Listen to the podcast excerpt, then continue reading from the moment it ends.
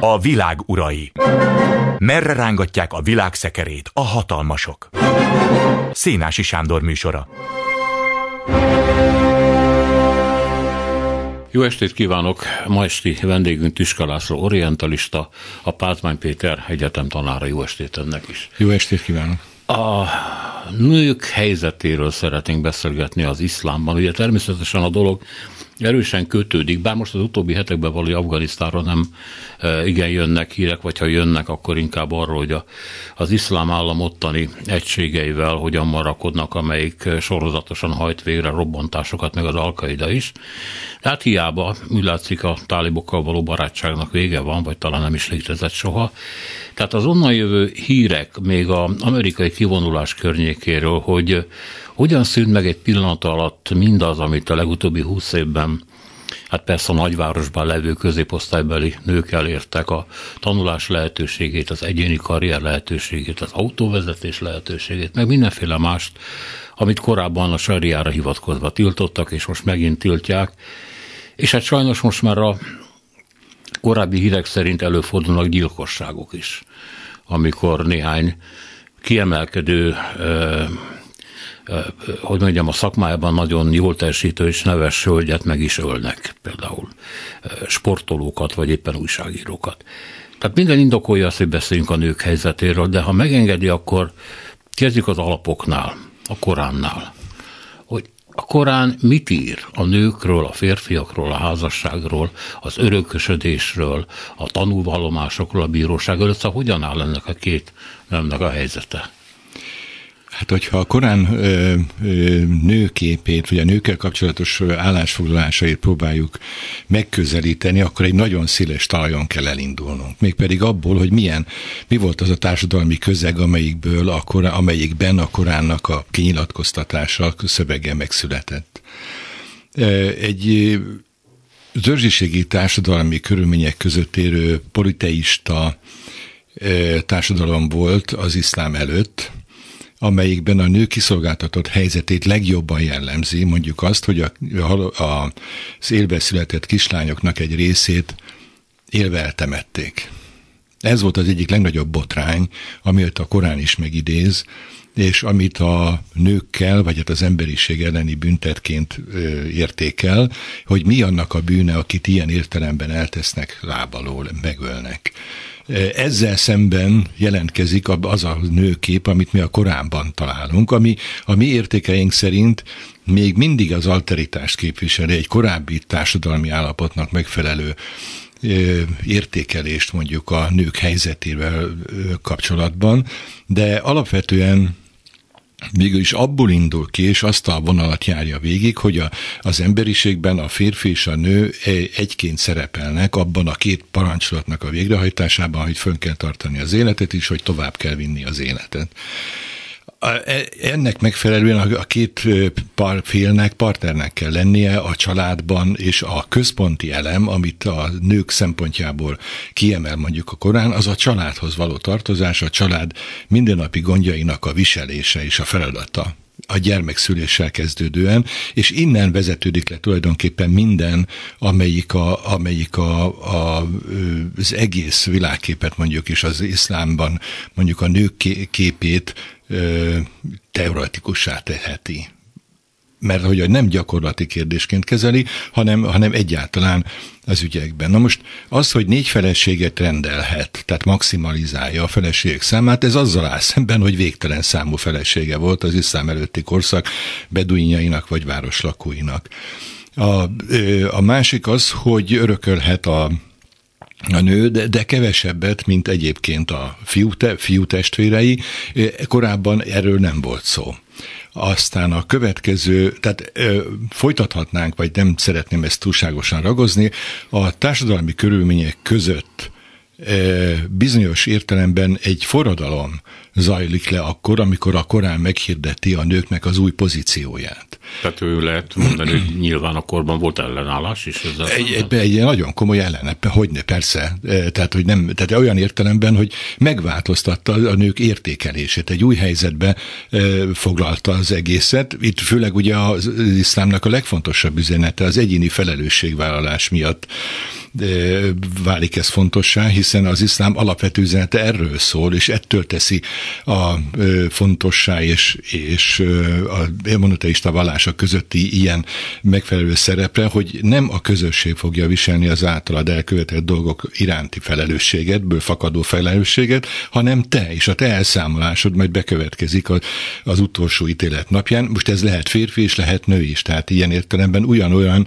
életpályát mondjuk így jelöl ki számára, mint, mint mondjuk a kereszténységben láthatjuk, vagy a, a zsidó vallásban. Tehát ugyanaz a, az alapállás, az egyéni felelősségnek a középpontba állítása lesz, és ettől, ebből a szempontból a két félnek a, az, a végső megítélése az azonosan, azonosnak tekinthető, vagy hát annak kell tekintenünk. Hogy a gyakorlatban, a mindennapi élet megvalósulásában, abban, ahogy, ahogy él a család, már pedig az a társadalomnak a központja a család lesz, a, a szerepektől megfelelően különbözőek, az szerint, hogy ki mire alkalmas. A férfinek harcolni, termelni, stb. kell, a nő pedig lássa el a, a házi teendőket. Na most a, a ha kiemelünk a korámból olyan elemeket, amelyek a nők, nők kérdéseire vonatkoznak, akkor ennélkül, a háttér nélkül valóban egy ilyen negatív dolog következik belőle, hogy milyen elmaradott, hogy milyen szélsőséges, hogy milyen bántó, hogy milyen megalázót, stb. stb. stb. Ami mind igaz, a mi szempontunkból, csak hogy a nem vesszük figyelembe értékelésünk során azt a környezetet, amelyikben egyrészt ezek így fogalmazódnak meg, másrészt pedig nem figyeljük, hogy a mai napig az iszlámvilág nagyobb részét még mindig az alteritással írhatom le, tehát nem olyan fajta homogenizált társadalom mal, amelyik fölbontotta a vérségi kötelékeket, hanem olyanokat, amelyekben meghatározó jellegű a vérségi kötelékeknek a szerepe. Ugye az afganisztáni történethez csak kapcsolódunk, amikor az amerikaiak megszállták, vagy bevonultak Kabulba, akkor a amikor tétováznak, hogy hogyan lehetne egy demokratikus államfőt kiemelni, akkor a pastu nagy tanács lesz az, amelyik összeül, a törzsek vezetőinek a tanácsa is kijelöli és elfogadja kvázi parlamentként, hogy a karzai lehet az államnak az elnöke. Tehát ez nem modern, nem demokratikus eljárás, ez egy vérségi alapon nyugvó, irre, irracionális ilyen értelemben eljárása az államépítésnek. Na most e, ezek a különböző dolgok mind oda szeretném tolni, hogy szociológiai szempontból, hogyha vizsgáljuk a helyzetet, akkor leg, azzal tudjuk leírni a vidéki, nagyon jó volt a kérdésben az, hogy a városi családokat leszámítva, hogy a nagy tömegű vidéki lakosságnak az életét még mindig az alteritással, a patriarchális berendezkedésnek a minimumával, a legalacsonyabb szintjével így értem, tudom leírni, és ebből a szempontból ebből nem tudunk kilépni. Tehát ez nem olyan, hogy ez a Korán előírásaiból fakad, hanem a Korán előírásai érvényesülnek benne, de régi hagyományoknak a folyta, automatikus folytatása. De erről majd szót tehetnénk, hogy egy csomó dolog van, ami a Koránban nem szerepel, viszont a napi gyakorlatban nem mindenhol, igen, de természetesen itt meg kell mondanunk, hogy azért a muszlim világ az nem egy egyforma. Hát Igen. Nem arról van szó, hogy minden ugyanazt tehát talán világos.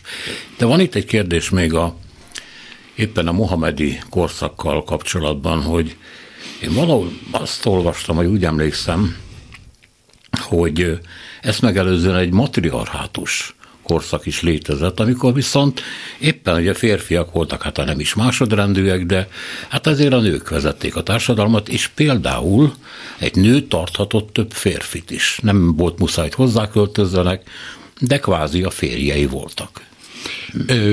Több forrásunk, vagy több kutatói elindult ezen a pályán, akik próbáltak kutakodni, hogy hogy is néz ki az iszlám előtti korszaknak a házasolási rendje, és valóban erre utaló nyomokat találtak, én ennyire ismerem csak a történetet, ahogy mondjuk a kérdés elhangzott, hogy valóban ennek a jelenségnek nyomai vannak a, mondjuk így a történeti hagyományban.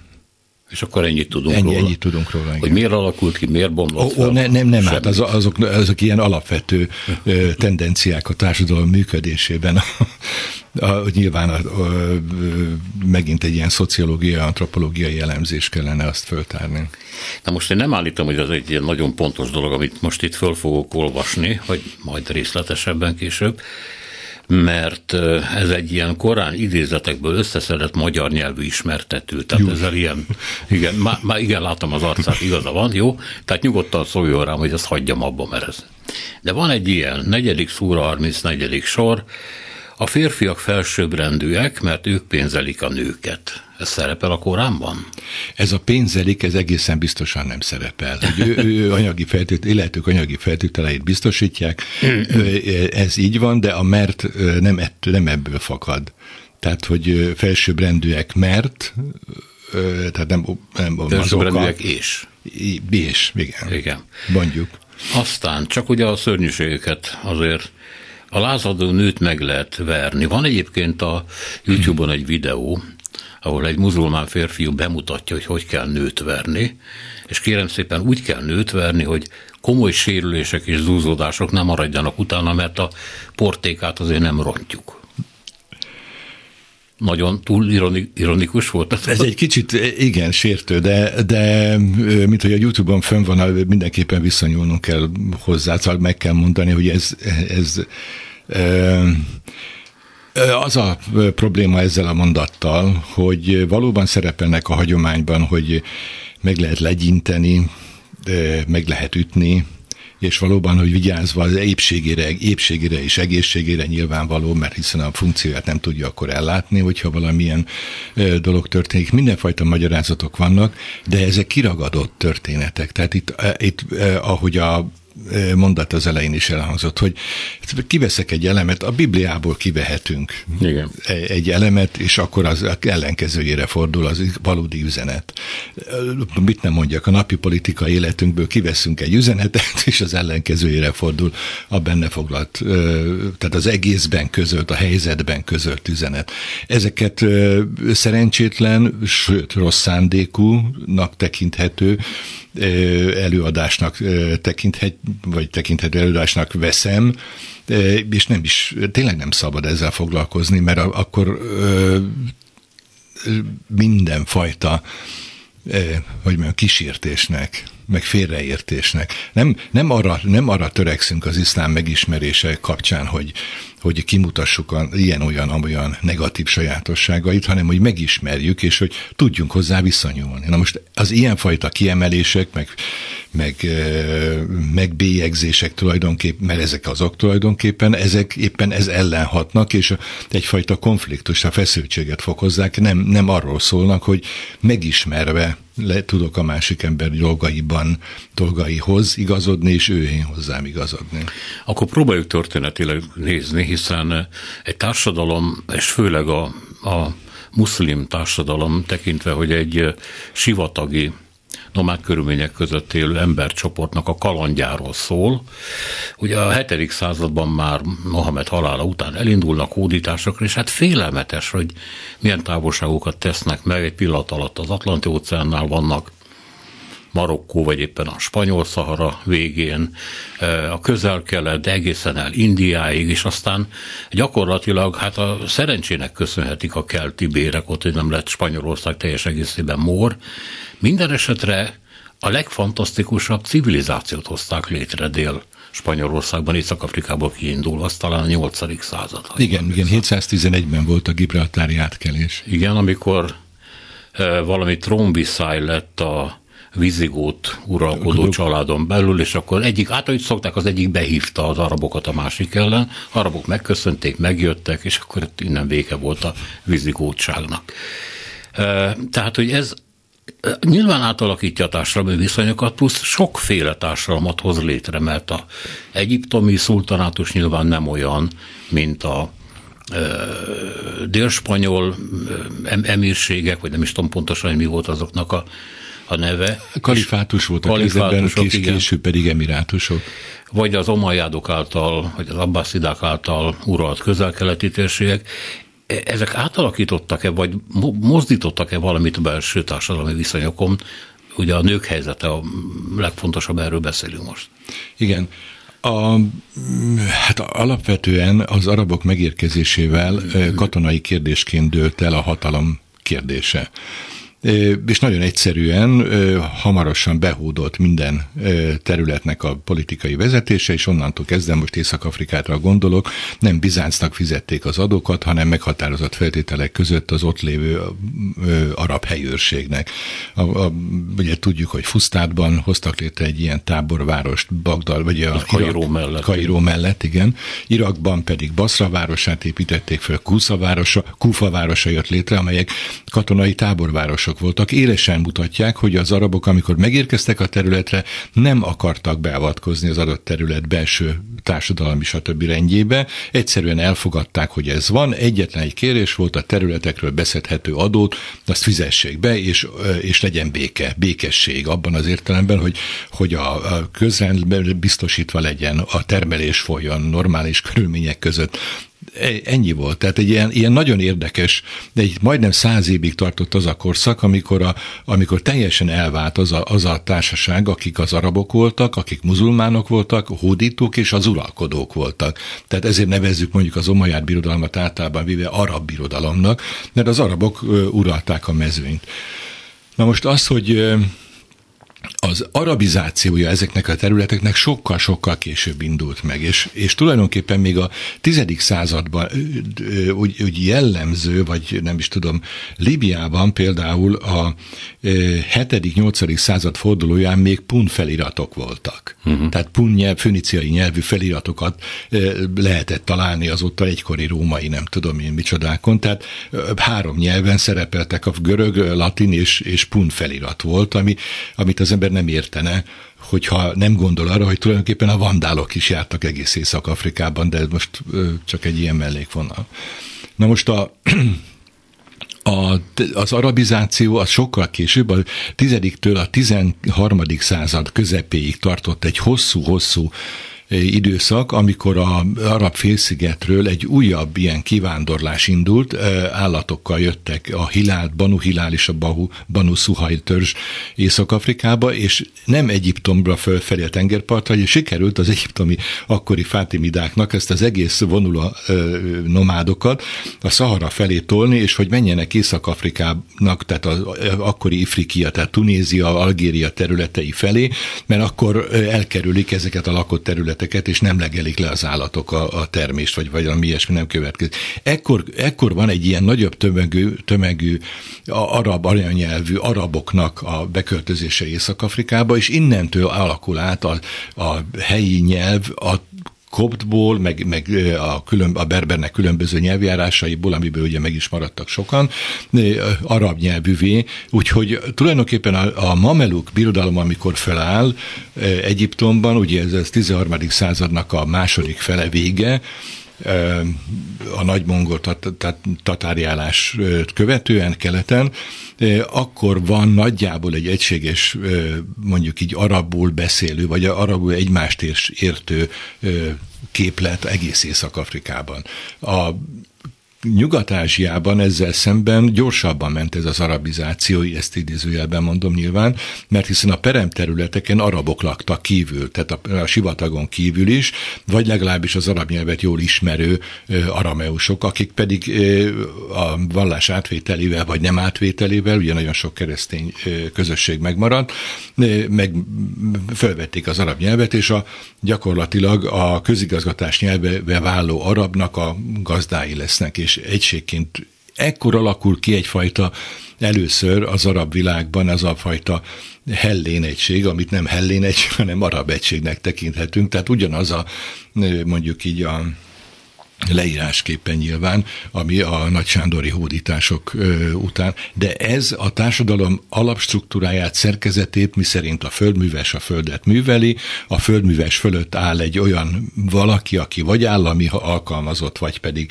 nem állami alkalmazott, hanem független földbirtokos, e, e, ezek nem, nem változtak, és a, a városlakót nem, nem városok működését sem bontotta meg. De arra gondoltam, hogy hogy jön ez a társaság, amelyik hát a nomád kultúrát nyilván kiválóan űzi, ragyugon alkalmazkodik a sivatag életformákhoz, hát és így tovább. De amit később muszlim civilizációnak látunk, az biztosan nem onnan jön. És hát mondjuk, ha az ember hallja az arab zenét, vagy mondjuk az indiai zenéket, akkor nem tud nem arra gondolni, hogy az egyik a másikból jön, vagy legalábbis sokat kapott. Ha az egyébként fantasztikus iszlám építészetet nézzük, hát abban is rengeteg indiai van, vagy éppen közel-keleti, vagy más. Tehát olyan civilizatorikus elemek kerültek bele, ebbe a kultúrába, vagy mondhatnánk, váltották föl a sivatagi kultúrát, és adtak az araboknak egy másfélét, az ember arra gondol, hogy hát a helyi szokások, mondjuk, hogy hogy kezeljük a nőket, milyen jogaik vannak, stb. stb.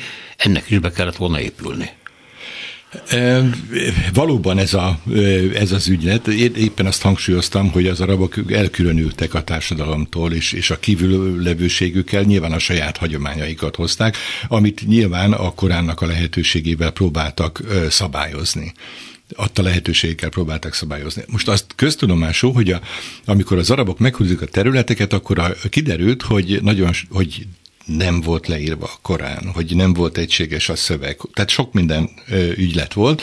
Egységesítették a Koránt 650-ben. Négy példány készült belőle, amit elküldtek a tartományokba, Basra, Kufa, Damaszkusz és Medina volt a négy példány, és ezek négy példány onnantól kezdve a alap dolognak számít egyfelől, másrészt pedig nagyon gazdag anyag alakult ki az úgynevezett hadíszgyűjteményekben, a profita cselekedeteiről, és kijelentéseiről. A hadíszgyűjtemény elbeszélések egy nagyon fontos forrás a muzulmán jogrendszer a saria egésze tekintetében, hiszen a Mohamed tetteit, kijelentéseit példaértékűnek tekintik, vagy tekintették, és ezért megőrizték, és ezért bármilyen hasonló helyzet előállt, akkor elővették a hoppá, a Mohamedi ezt és ezt mondta, akkor ezt kell, ebből ez következik, a helyzet megoldható.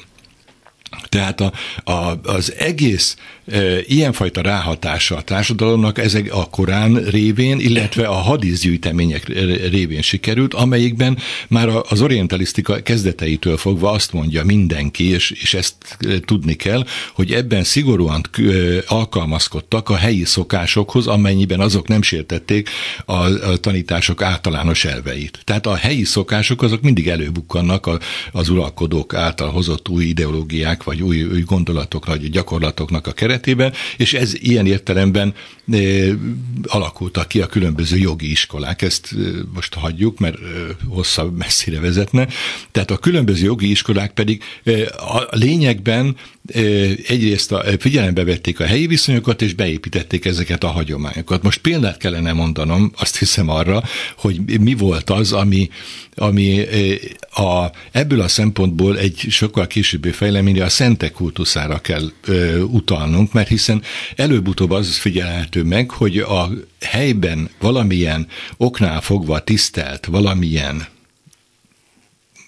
kvázi istenség, előbb-utóbb egy muzulmán szenté alakul a történelemben. Van a Taib Száleh egy szudáni írónak a, egy nagyon szép elbeszélése van, ami arról szól, hogy Vathámid pálmája, dumája, duma az egy rendkívül érdekes fajta pálma, amelyik arról szól, hogy egy adott közösség a Nílus partján minden szerdán oda megy kijár ünnepséget tartani, megemlékezve arról a szent emberről, ami a vahabiták szerint, meg az iszlám megveszekedett fundamentalista szempontjából egy, egyfajta, hogy is mondják ezt, hitetlenségnek, pogányságnak a, a nyilvánvaló megjelenése, hiszen az képtelenség, hogy, hogy Mohamed vagy valami, valamilyen kapcsolata lenne az egyetlen Istennel ennek a bizonyos szentnek. De ez, az, ez a, hogy mondjam, beépül és az iszlám szertartások részévé válik. Ilyen ért, zárójel most bezártam, ilyen értelemben tehát a, a kölcsönhatásból gyala, alakul ki az a gyakorlat, amit mi is, valóban iszlám gyakorlatnak tekintünk, és a kölcsönhatásban benne van a, a hellenisztikus kultúrának a része, a része, a kereszténységnek az üzenet része, és benne vannak a régi pogány szent, szertartásoknak az elemei is. Hát ez a rengeteg kereszteződés, kulturális beáramlás nyomta, gondolom előre az iszlám kultúrát, hogy hát mondom, csak visszatérek folyton a dél-spanyol példához, Andalúciához, hogy hát technikailag messze fölül múlta a keresztényeket abban az időben, mondjuk az öntözéses módszer. Ma is látszik egyébként a kordobai kalifátus a megmaradt mecseteknél, hogy például a kertben, vagy az udvaron, hogy vezették pici csatornákon a vizet egyik fától a másikig úgy, hogy tudták, hogy kevés van belőle, és a lehető legjobban kell felhasználni, és úgy is jártak el, de ez mondjuk a díszítő művészete minden igaz.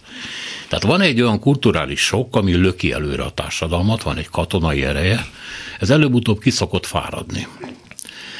És ami most a nők helyzete, bocsánat, hogy elfolyton erre visszatérek, itt illeti, ha meggondoljuk, akkor Európában tulajdonképpen az ipari forradalommal, tehát új technológiák megjelenésével, a tömegkultúra, a tömegtermelés megjelenésével kezdett változni, meg kellett a munkaerő. Ez ilyen nagyon csúnyán hangzik, de hát van benne igazság, azt hiszem.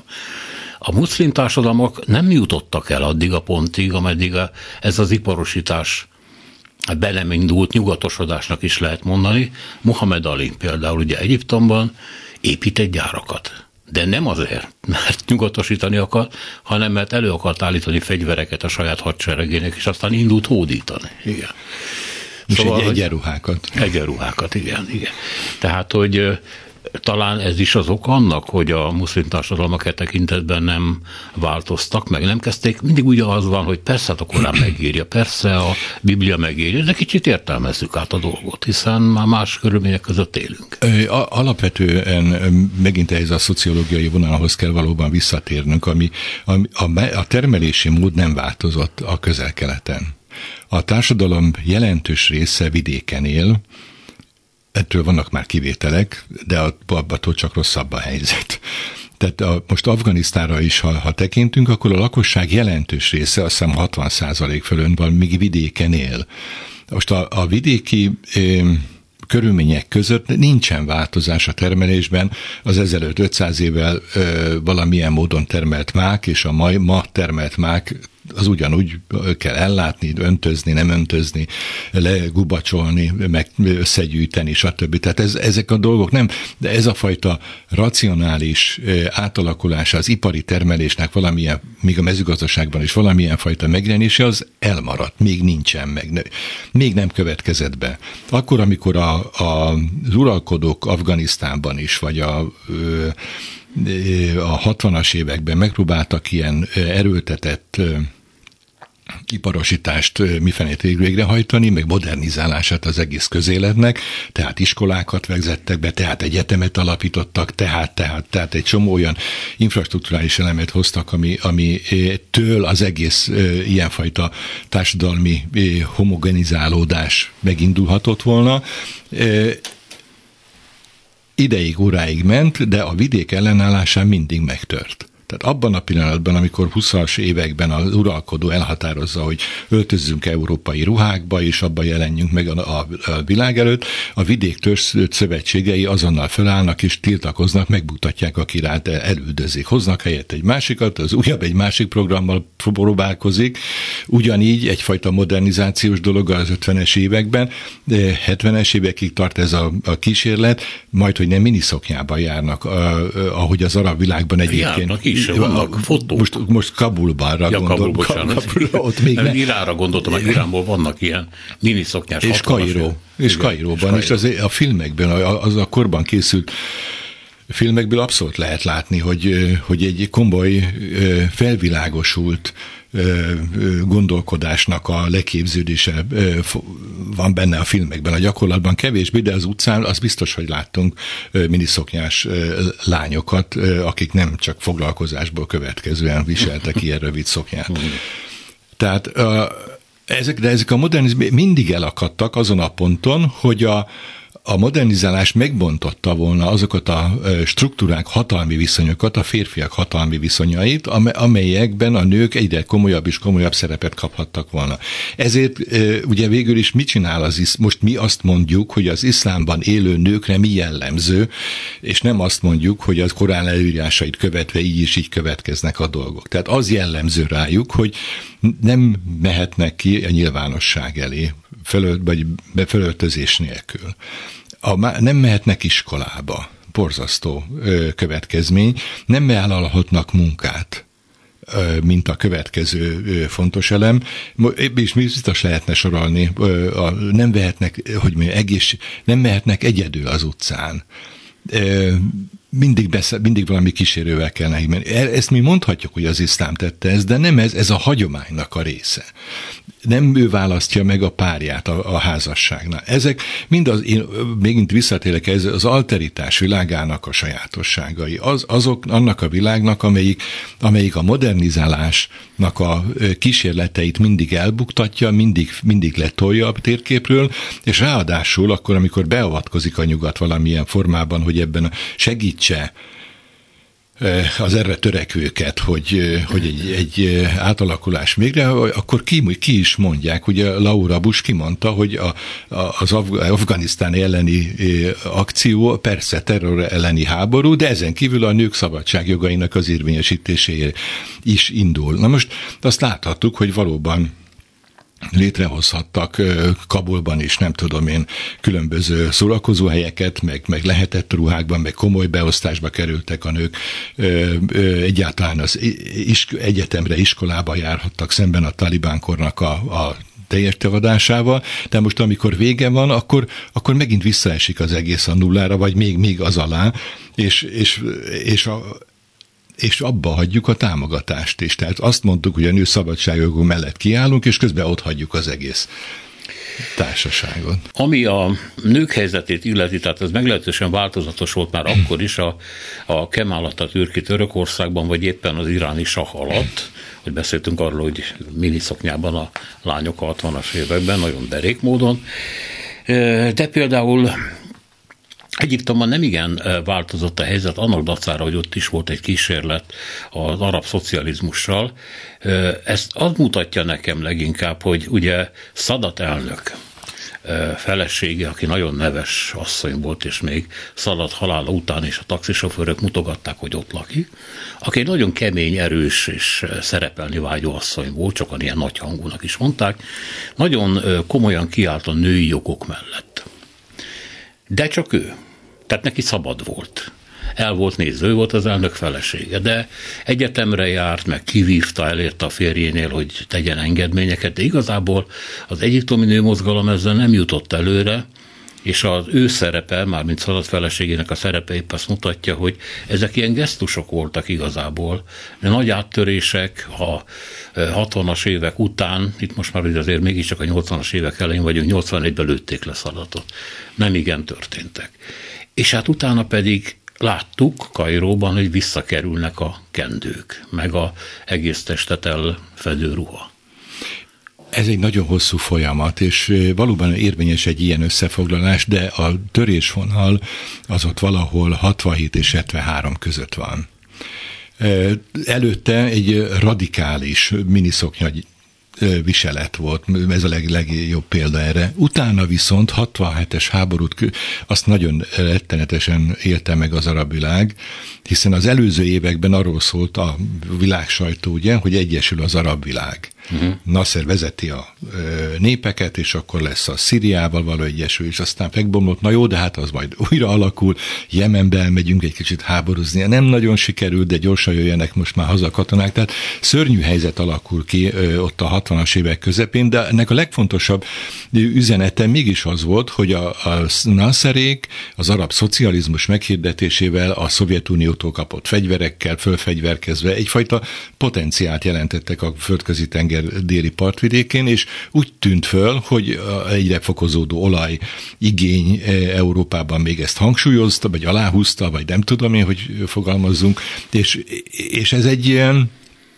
erős öntudattal a harmadik, ugye még akkor volt ilyen, hogy az el nem kötelezett országok politikai szervezete, aminek egyik vezető figurája Tito mellett éppen ő volt, tehát a Nasser. Na most a, a 67-es háború, amikor a repülőgépeket ugye a földön lebombázta Izrael, mielőtt még felszálltak volna, ez teljesen tönkretette ezt a fajta ideológiát, hogy hát kérem, milyen jár a szánk, és közben nem, tud, nem tudunk semmit sem csinálni, hiszen az ellenség ime itt van, és teljesen tönkretett bennünket.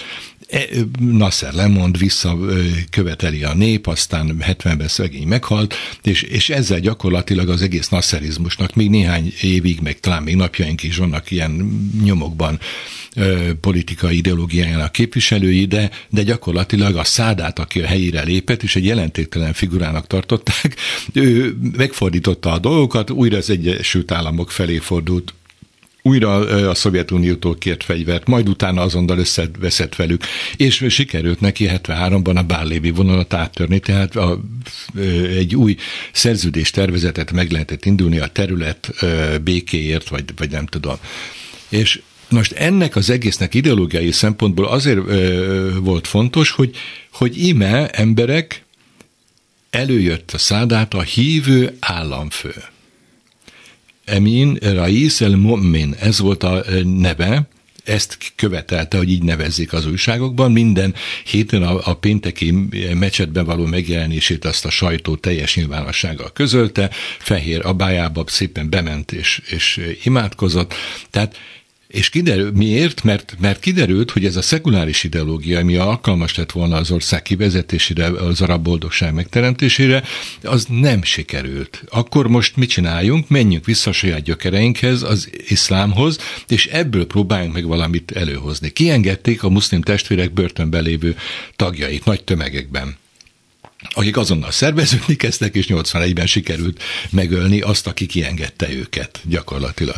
Na most, de ez a, ez a terrorista oldala a történetnek, de az alapmese az arról szól, hogy a vallásosságnak egy újabb fajta tere nyílik azzal, hogy ez a vereség a, a szekuláris, a felvilágosodás gondolatnak a, a teljes összeomlását is magával hozta. Na most ebből jöttek elő a, a ruhák. E, ebből jött elő, hogy az utcára fölterítették a gyékényeket, hogy nem fértek be már mecsetekbe. Már több mint 110 ezer mecset van Kairó, vagy Egyiptomban, mert hogy folyamatosan építik már, hogy szükség van. Jó, hát 100 millió, 102 millió most már a lakosság, tehát tehát nagyon sok minden van. Ez a menet lesz az, amelyik előhozza ezt a vallásos ruhát, ruhaviseletet, és a vallásosnak az elmélyülését. Egy nagyon fontos elem még, hogy, hogy mi a vallásnak formális elemeit látjuk, de van egy, egy belső története is, a, a spiritualitás, a szufi rendeknek a beépülése a mindennapokba, és az iszlám által való elismertségük, okán... Ez egy ilyen misztikus, misztikus gondolkodásmód. A, a, a miszti, misztikus gondol, tehát, tehát a vallásos érzületnek mindig kell lennie valami misztikus ö, oldalnak.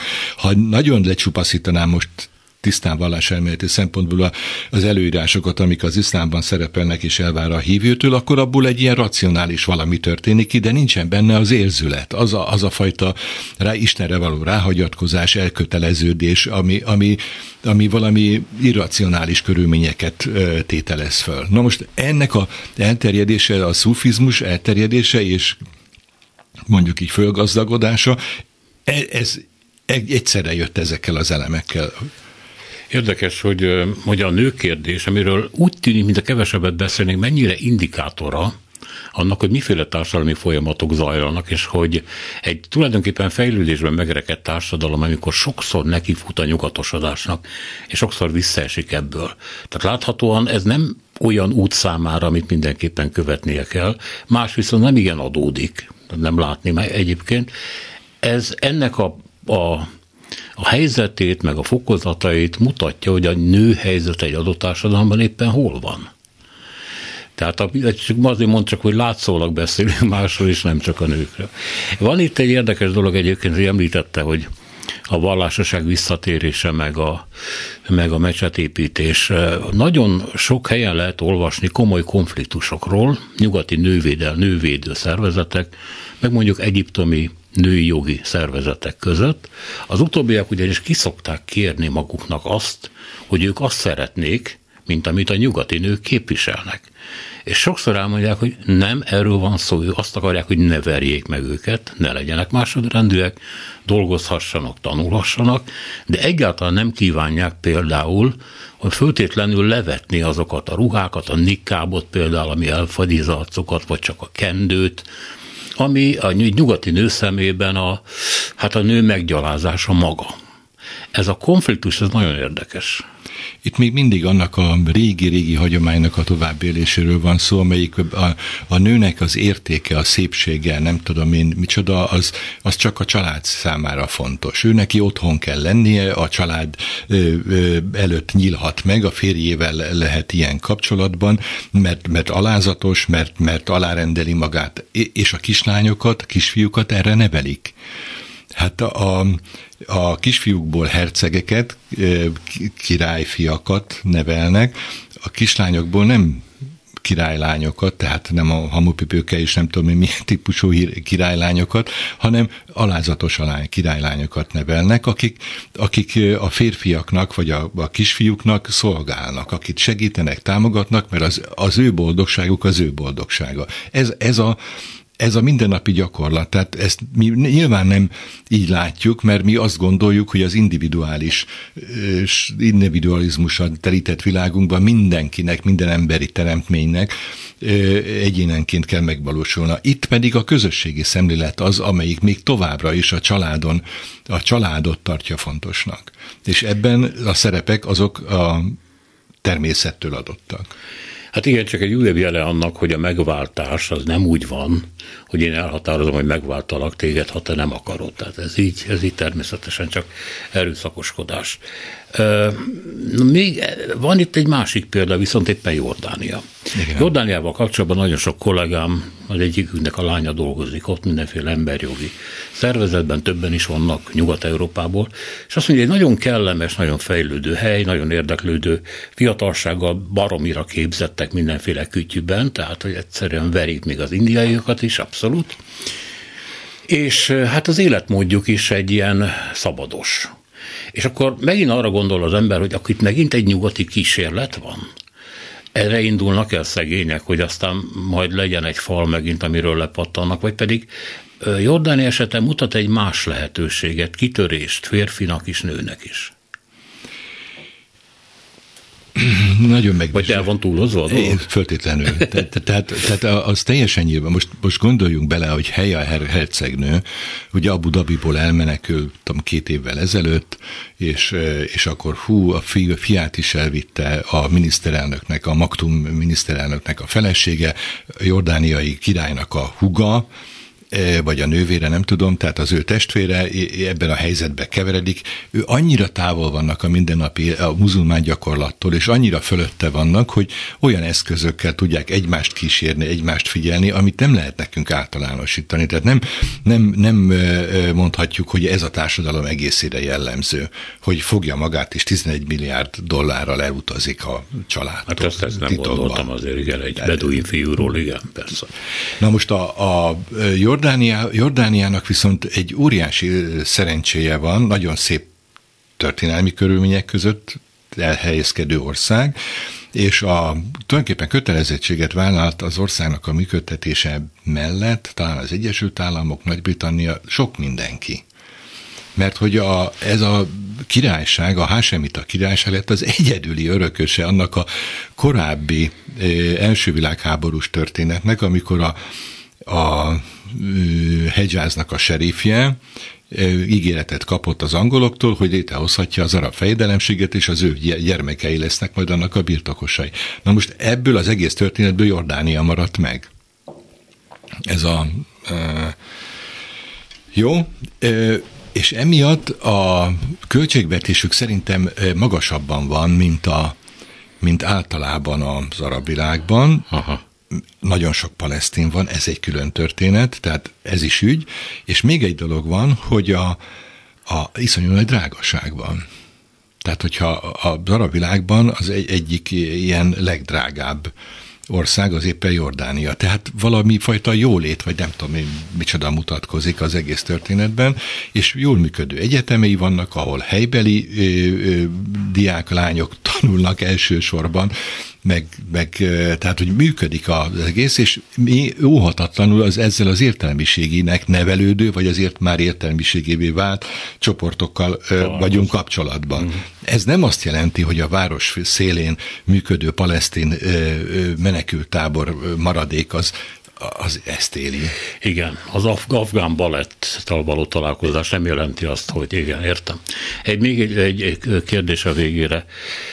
Uh, ugye a körülmetélés ügyben, meg a nő eltakarása ügyében mit mond a Korán? Lehet erre hivatkozni, vagy ez is hagyomány inkább? Hagyomány. Hagyomány. Hagy, abszolút hagyomány. Tehát itt nem de, körülmetélés, ez egészen biztosan hagyomány. Tehát valamelyik területen, valamilyen megfontolásból, most a nőkről beszélünk, azt hiszem, tehát ez, ez egy másodlagos, ne, ne semmi köze a, a iszlám nem lehet, tehát az is, egy adott helyen a hagyomány, ahogy az előbb is beszéltünk róla a, a, a Nílusparti folyónál, a pálmafa tiszteleténél, hogy, hogy ez beépül, és anélkül, hogy észrevennék. Tehát ilyen, ilyen automatikusan bele sodródik tulajdonképpen. A, és akkor azt mondja, hogy az iszlám ezt tartja. Nem, nem tartja ezt. Hmm. Nem, tehát ilyen, ilyet nem lehet mondani. Maguk az iszlám vallástudósok is ezt kijelentik, és ez, erről ezt mindig határozottan képviselik. A, a másik kérdés az a... Hát ez az eltakarás. Az eltakarás, ez pedig, ó, hát erre, erre nagyon szép magyarázatok vannak, hogy a, a én a legújabb, csak azt mondom el, amit most olvastam, hogy azt mondja, hogy a profita családtagjai ezzel az eltakarással akarták megkülönböztetni magukat a nem muzulmán pogányokkal szemben. Aha. Ezért a büszkeségnek, az ö, identitásnak és az iszlámhoz, azaz az iszlámhoz való tartozásnak a kifejezése volt. Tehát, hogyha ha így értelmezem, akkor ez egy kvázi egyenruha, a kvázi az oda tartozásnak a megjelenítése. És a modern európai ö, környezetben élő muzulmánoknak az ilyenfajta ruhaviselését muzulmán értelmezők így magyarázzák. Itt kell abba hagynunk sajnos lenne még mit mondani erről, de ennyi fért bele a mai műsorba. Köszönöm szépen, hogy itt volt velünk Tiske László, orientalista, Pázmány Péter egyetem tanára. A műsort Selmeci János szerkesztette, a műsorvezető Szénási Sándor volt. Köszönjük a figyelmüket, jogot a nőknek. Minden jót!